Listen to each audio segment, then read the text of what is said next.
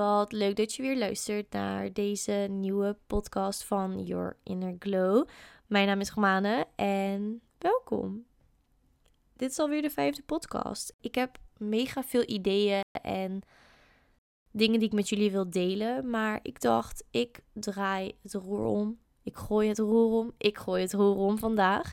Ik had heel veel zin om vragen van jullie te beantwoorden. Dus wat ik heb gedaan is ik heb op mijn Instagram, @itisromane, mocht je me nog niet volgen, daar heb ik op gevraagd of jullie vragen hadden die ik in de podcast kon beantwoorden. En ik kon niet beslissen. Je hebt wel eens van die dagen dat je gewoon niet kan beslissen. Dat elke vraag mij eigenlijk wel aansprak. Dus wat ik heb gedaan is, ik heb op internet bij Wheel Decide, ik weet niet of mensen dit kennen, maar altijd als ik geen beslissing kan maken, dan laat ik soort van het lot bepalen. Daarin voer je dus allerlei opties in. Dan gaat het wiel draaien en waar het op komt, dat is je antwoord. dat heb ik gedaan en het wiel kwam op. Wat doe je op dagen dat het helemaal tegen zit?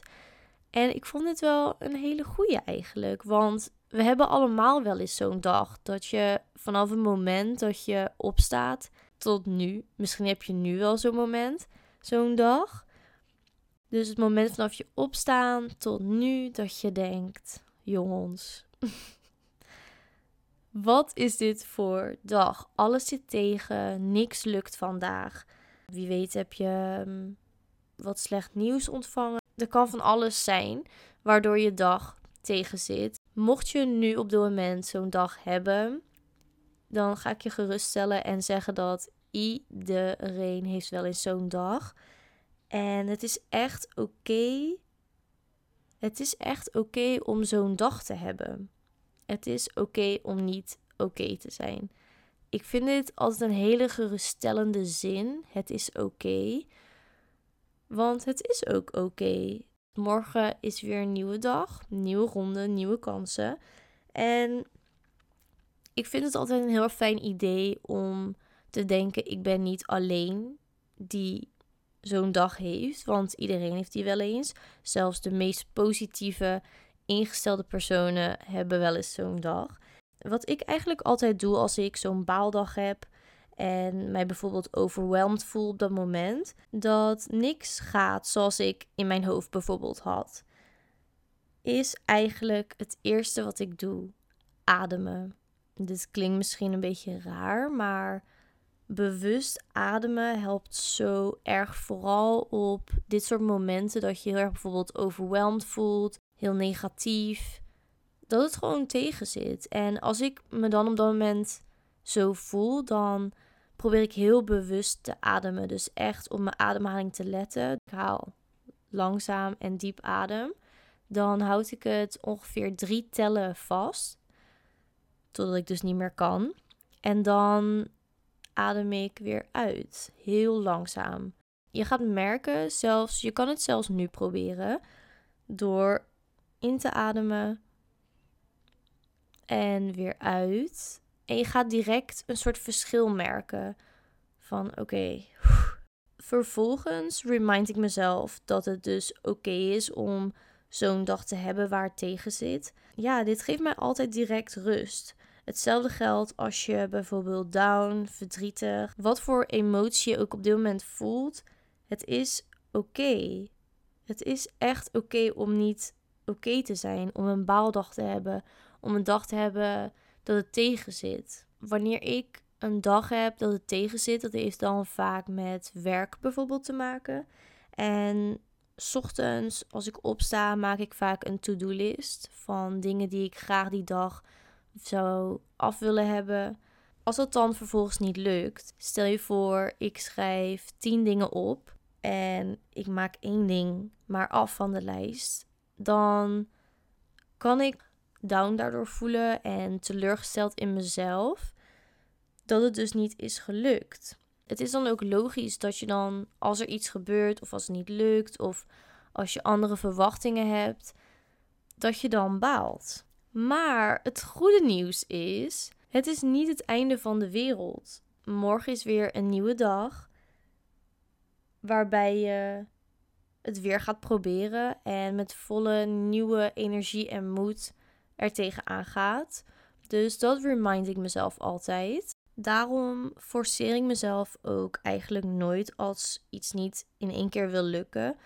Ik stop er dan gewoon even mee en dan ga ik even vaak naar buiten of dan ga ik dansen of sporten en dan begin ik er weer mee. Maar het kan ook zo zijn als ik bijvoorbeeld slecht nieuws ontvang of er gebeurt iets negatiefs. En het ligt natuurlijk ook aan verschillende situaties. Maar geef jezelf even dat geduld, even die tijd, liefde of bijvoorbeeld troost die je op dat moment nodig hebt. En daarbij komt ook weer self-love kijken.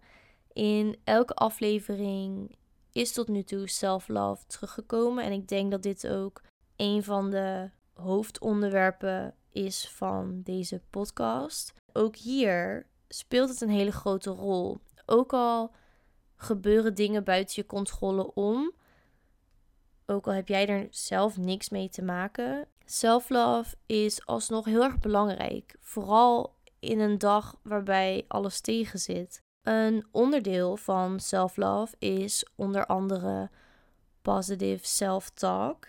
Dus op een positieve manier met jezelf praten. Stel je nou voor dat iets bijvoorbeeld niet lukt. Laten we het daar eventjes op houden. Ga jezelf dan niet een nog pijnlijker en negatiever gevoel aanpraten, wat helemaal niet nodig is. Zodra je gemene dingen tegen jezelf gaat zeggen, dat gaat de situatie en niet verbeteren en niet oplossen. En je voelt je eigenlijk alleen maar slechter door. Vaak zijn we helemaal niet bewust wat we tegen onszelf zeggen. Ik was me er vroeger helemaal niet bewust van. En door coaching heb ik echt geleerd en ben ik me echt bewust geworden van hoe ik met mezelf sprak.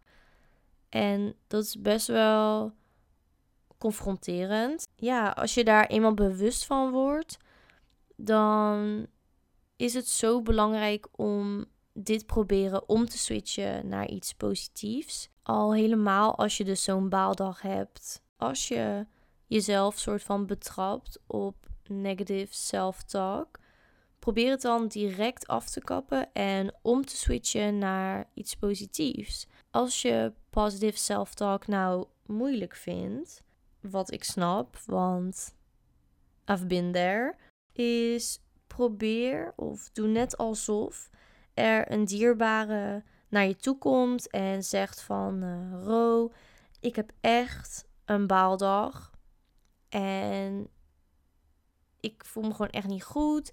Alles zit tegen. Wat een K-dag. En dit heb ik allemaal aan mezelf te danken. Ik zeg maar wat.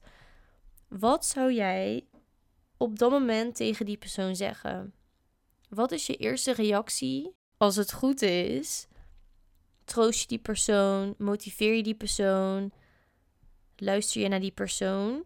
Dit is exact hetzelfde hoe je tegen jezelf moet praten. Ik las laatst trouwens een onderzoek dat positive self-talk op lange termijn, dus als je er echt bewust van bent en dagelijks daarmee bezig bent, dat het heel veel voordelen heeft, zowel lichamelijk als mentaal.